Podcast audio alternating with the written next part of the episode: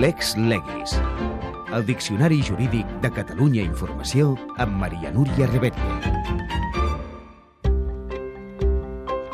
Delicte de provocació a l'odi, el 510 del Codi Penal. Què és?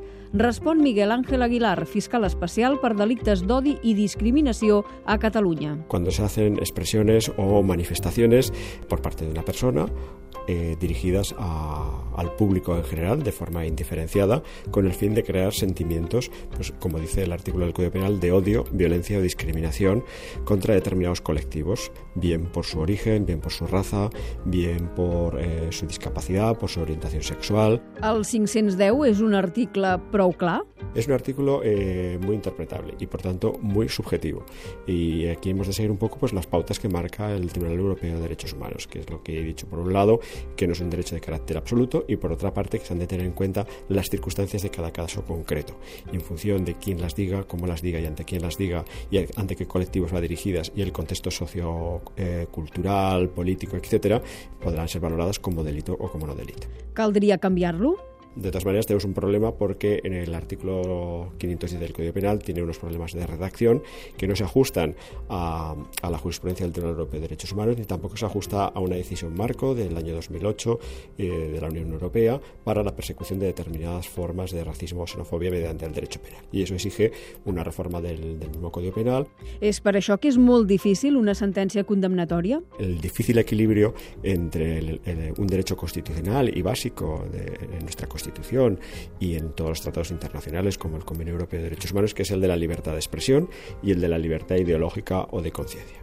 Lo que ocurre que este derecho no es un derecho de carácter absoluto, sino que es un derecho de carácter eh, limitado.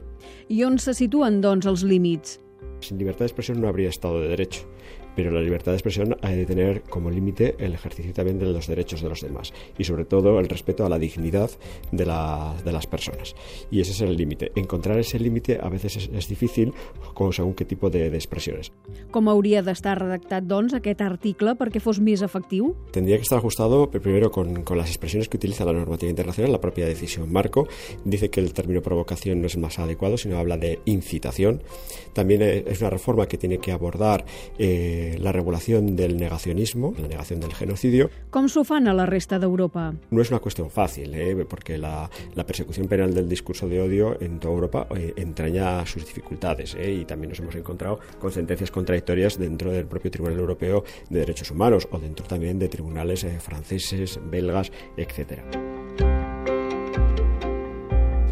En resum, des del 1995 està tipificat el delicte de provocació a l'odi. Els experts aleguen que l'actual redacció d'aquest 510 no és prou concloent, seria més encertat parlar d'incitació a l'odi. No és un debat senzill perquè es tracta de marcar un límit entre la llibertat d'expressió i el dret dels altres a la dignitat, especialment el de les minories.